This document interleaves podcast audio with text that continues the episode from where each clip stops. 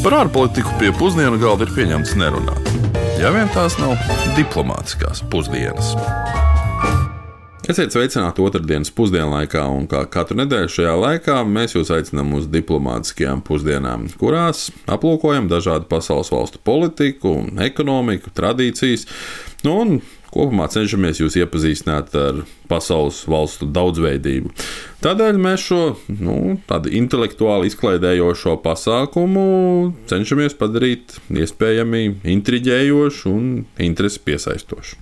Labdien! Nu, tādēļ arī šodien mēs izdomājām, ka veltīsim laiku valstī, kura nav ziņu virsrakstos, bet kura ir, nu, vismaz šobrīd nav, bet kura ir zināma katram latvietim, kurš skolā mācījās par kurzemes hercogistu un tās kolonijām. Ja esat sekojuši mūsu iepriekšējiem raidījumiem, tad varbūt nojaušat, ka par Trinidadu un Tobago mēs runājām aptuveni pirms gada, un tagad ir atlicis parunāt par Gambiju. Un, um, Tieši pirms nedēļas mēs svinējām 4. māju, jeb Latvijas Republikas neatkarības deklarācijas pasludināšanas dienu. Un tā ir arī diena, kura oficiāli aizsāka Latvijas neatkarības atgūšanas procesu 90. gadā. Nemazinot uh, mīļai Latvijai piešķiramo nozīmi, gribētu tomēr piezīmēt, ka šeit Amerikā, no kurienes es piedalos jau, jau, jau, kuru nedēļu, tikmēr 4. maija ir uh, zvaigžņu karu diena. Nu jā, ne vairāk, ne mazāk. Izcēlies šis no tā, ka šajā kultūras fenomenā oriģināli ir uh, sauklis May the Force be with you, kuru veikla dāņu žurnālisti Margarita Tečerei Lielbritānijā 1979. gada 4. maijā stājoties premjeras amatā pārveidoja par May the Fourth be with you. Un tā tas ir iegājies zvaigžņu kara sāgas un mitoloģijas fanu pasaulē. Nu, tulkojot, oriģinālais sauklis sanāk, lai spēks ir ar tevi. Pārveidojumā, lai 4. maija ir ar tevi. Un tāpēc domāju, ka šos gadījumos, abos divos gadījumos, šo var attiecināt arī uz uh, mūsu atzimušo Latviju un tās pilsoņiem. Nu, tā varētu gan, un varbūt pat vajadzētu. Bet, nu, atgriežamies pie Gambijas republikas un uh, pavaicāsim, vai vēl ko bez vēsturiskajām saiknēm ar kurzemes hercogus par šo valsti zina mūsu klausītāji. Starp citu, pirms mēs pie klausītājiem dodamies, angļuiski oficiālais nosaukums ir neparasts. Jo Republic of the Gambia. Mums, kas nelieto artikulus valodā, šis ir netulkojams, bet nu, doma, ka lai valsts netiekot jaukta ar Zambiju. Ar ko jums asociējas Gambija? Gambija no Āfrikas, ar bijusī kurzemes hercogistas kolonija, atrodas Āfrikā. Tur tajā ielokā lejā tāda ļoti maza pundura valsts ar piekļuvi pie okeāna. Kādreiz bija koloniāla daļa, tagad vairāk neko nezinu. Man asociējas ar uh, melnādāriem cilvēkiem pirmkārt, un otrkārt man asociējas ar uh, visām galvas rotām sievietēm.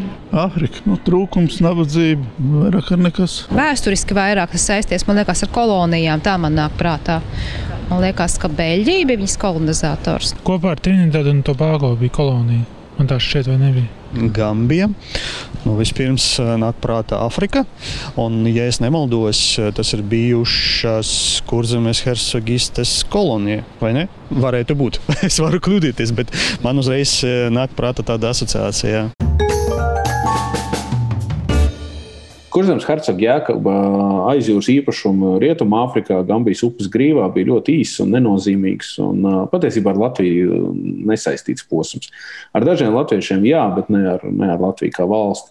Hercoga īpašumu klātbūtne bija no 1651. līdz 1660. gadam, un pamatā viņam piederēja sala Gambijas upes grīvā jā, saukta Svētā Andreja, nu, Džeimsa un tagad uh, Kunta Kinteka sala, kas kādreiz, starp citu, bija lielākais transatlantiskās vergu tirzniecības centrs. Jā, no kurzemnieki gan tur bija pirmie eiropieši, kas ieradās, bet nopirka viņi arī paralēli salai, arī neliela teritorija kontinentālajā Āfrikā no vietējiem cilšu vadoņiem.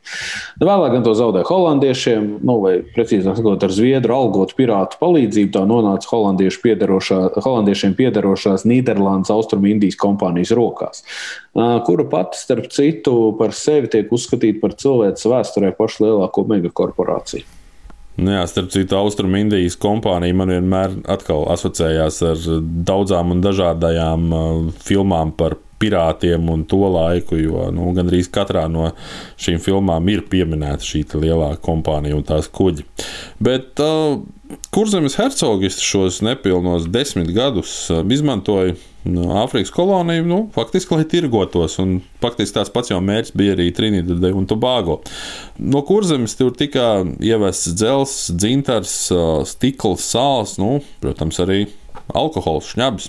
Atpakaļ veda uz jau mūsu reģionu ziloņkaulu, dzīvnieku ādas, garšvielas, zeltu, palmeļu un, nu, protams, arī vergus. Bet par to, kādēļ eh, šie nepilnie desmit gadi Gambijā ir tik bieži pieminēts fakts eh, Latvijas vēsturē, un vai tam tiešām ir adekvāta nozīme, mēs vecējām doktorai Dēnai Blējerai, Latvijas eh, Universitātes vēstures institūta vadošajai pētniecei, kādreizēji Rīgas Trediņu universitātes asociētai profesionāli un arī manas doktora disertācijas vadītājai. 30. gados šis jautājums patiešām ir saistīts acīm redzot ar tādu izteiktu tieksmi pēc nacionālās pašapziņas paaugstināšanas. Lielā mērā tas tiek saistīts ar Ulmaņa režīmu, taču faktiski tas viss sākās jau pirms 1934. gada. 1933. gadā bija teiksim, Tvaikoņa Vaidava ekspedīcija uz Gambiju. 33. gadā bija arī Herberta cukura lidojums uz Gambiju. Un tas viss bez šaubām, arī šie pasākumi paši par sevi jau veicināja tādu lielāku interesi. Bet pēc Ulmaņa apvērsuma tas tika sasaistīts ar nacionālo ideju, ar to, ka, nu, redziet, mēs esam tāda pati Eiropas tauta, kā visas vērā ņemamās Eiropas tautas, mums savā laikā ir bijušas kolonijas. Jo 30. gados, protams, lielākā daļa Eiropas valstu bija kolonijas. Un, protams, tas, ka Kurzemes hercogam Jēkabam šīs kolonijas kādu laiku bija bijušas Gambijā un Tobago, tas, šita, nu, tas tika pasniegts tā, kā tās ir bijušās latviešu kolonijas. Nu, ja gribēja būt korektāki, tad teica, kur zemes hercogistes kolonijas, kas īsti nebija pareizi, jo kā pēc otrā pasaules kara vēsturnieks Edgars Andersons, kas pētīja šo problēmu, viņš uh, atrada, ka faktiski tās bija hercoga Jēkaba personiskās kolonijas. Tās piederēja personīgi viņam, bet ne hercogistē. Un latviešiem, protams, ar to visu bija ļoti maz sakars. Bet nu, tas tika pasniegts tā, ka tās ir latviešu kolonijas. Vēl viens aspekts, kas veicināja interesi par Tobago un Gambijas jautājumu pēc otrā pasaules kara, bija tas, ka jau pēc kara Vācijā pārvietoto personu nometnēs daudz latvieši sāka domāt par to, ka, nu, ka viņi nav pirmie trimdinieki, ka arī pirms tam ir bijuši latvieši, kas ir izklīduši pasaulē un kaut kur varbūt un ir bieži vien arī pazuduši šajā pasaulē asimilējušies citās zemēs.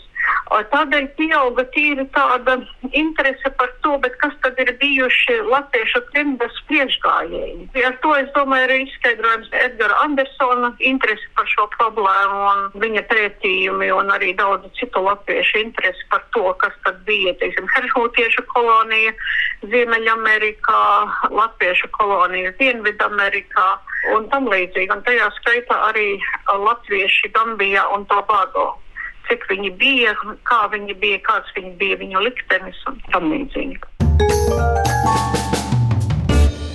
Nu jā, esam daudz parunājuši par Latviju un Gambiju, Latvijas kontekstā, un nu, tagad beidzot par mūsdienu Gambiju laiks parunāt par Āfrikas kontinentu pašu mazāko valsti, kā jau minēji. Un šī valsts neatkarību ieguva no Lielbritānijas 1965. gadā. Um, Gambija, starp citu, ir tikai viena kaimiņu valsts. Senegāla. Tā burtiski ieskauja mazo Gambiju. No, no 1982. līdz 1989. gadam pastāvēja kā vienota valsts Senegambija. No 1994. līdz 2017. gadam Gambijā valdīja bēdīgi slavens un cilvēktiesību pārkāpumiem bagāts režīms prezidenta Jahaja Džameha vadībā. Tik nepatīkams bija šis režīms, ka citas pasaules valsts vispār izvairījās ar šo 2,3 miljonu iedzīvotāju lielo musulmaņu valsti sadarboties. Nu, režīms ne tikai regulāri nolaupīja, ieslodzīja, nogalināja politisko opozīciju, žurnālistus un gejus, bet pat vēl 2009. gadā oficiāli atļāva un sankcionēja raganu medības. Nu, tas iekļāva sieviešu nolaupīšanu no ciematiem, piedzirdīšanu ar dažādām halucinogēnām vielām un nu, centieniem pārmācīt, ja varētu tā teikt. Nu, un šo raganu ārstu izdarību rezultātā, protams, daudzas uh, sievietes mīra arī no saindēšanās ar visādiem šiem struntiem mēsliem, ko viņām daudz dzert. Un uh, nerunājot par vispārējo, kam viņām nācās iet cauri un pārdzīvot. Bet kopš 2017. gada valsts prezidents ir Londonā izglītību ieguvušais Adama Barovs. Citu, viņš arī par veikalu apsargu ir strādājis, lai apmaksātu savas studijas Londonā. Un, uh, viņu inaugurēja amatā uh, Gambijas vēstniecībā, tās vienīgajā kaimiņu valstī Senegālā. Un iemesls, uh, jo Barovs uzvarēja godīgās un demokrātiskās vēlēšanas, kuras iepriekšējais prezidents sākumā atzina, tad es domāju, ka tomēr neatzīst. Nu, jā, maz piebildu par vēlēšanām. Gambijā vēlēšanas notiek, kad akmentiņus, kur balss par katru kandidātu tiek nodots, samet zemē izveidotās bedrītēs un tad saskaita. Nu, jā, nu, tad uh, bailēs, ka viņi nogalinās. Uh, Barovs devās uz Senegālu. Bet viss rezultējās ar to, ka Džameks jau oficiāli amatā viņš sev sauc par šeiku profesoru, doktoru, prezidentu. ģenerālis Piedrēs. Um, nu jā, nu tagad, uh, tagad šis uh, šeiks, profesors, doktors, prezidents dzīvojot uh, kādā villā ekvatoriālajā Gvinējā. Un uh, vēl nesen viņš esot ticis brīdināts uh, Gambijā nemaz nemēģināt atgriezties, jo viņa drošību neviens nevarot un arī negribot garantēt. Pret viņu ierosināt ir virkne kriminālu lietu, ieskaitot arī 45 miljonu eiro piesavināšanos savus vairāk nekā 20 gadus ilgušās prezidentūras laikā. Nu, ar 45 miljoniem varbūt pat nemaz dažs labs negribētu steigties atpakaļ uz savu dzimteni, kur viņam draud uh, tiesu darbi. Uh, vispār jau uz 45 miljoniem ir jāskatās nu, relatīvi. Uh, nu, jāskatās, ka šī summa iekļauj gandrīz visu Gambijas budžetu sociālajiem atbalstam. Nu, valsts visa ekonomika, ja viss IKP nominālajos rādītājos ir vien aptuveni pusotras miljards eiro, nu, 1,6 miljardi eiro. Nu, salīdzinājumā Latvijai tie ir nu, gan arī 31 miljards. Mm, jā, nu, lai arī iedzīvotāju skaits Gambijā ir par kādiem 400 tūkstošiem lielāks nekā Latvijā.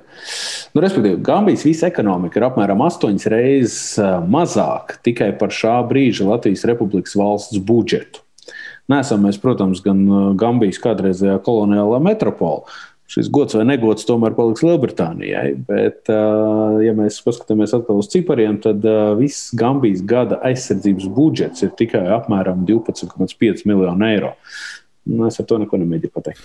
Nu, jā, bet um, paradoxālā kārtā nu, tā nav Lielbritānija un nav arī Latvija, kas ir Gambijas lielākais tirdzniecības partners. Protams, ka tā ir Ķīna, kura gan importā, gan eksportā ieņem apmēram trešo daļu. Uh, reeksportam ir milzīga nozīme, ņemot vērā šīs valsts geogrāfisko stāvokli.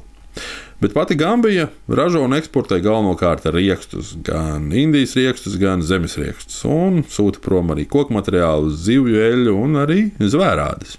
Par rīkstu nozīmīgumu runājot, zemesrieksta eksports ir otrs lielākais naudas avots. Rīkstu industrijai nodarbināta apmēram 80% no valsts iedzīvotājiem, un rīkstu veido apmēram vienu trešo daļu no valsts iekšzemes koprodukta. Un, kā var tikai iedomāties, tad cik ļoti šī valsts, šī aspekta ir atkarīga no tādas liktos Latvijas, Latvijas platuma grādos ikdienišķas lietas kā lietus. Bet pirmā vieta naudas pelnīšanas ziņā, protams, gan ir turismam, ieskaitot ekoturismu.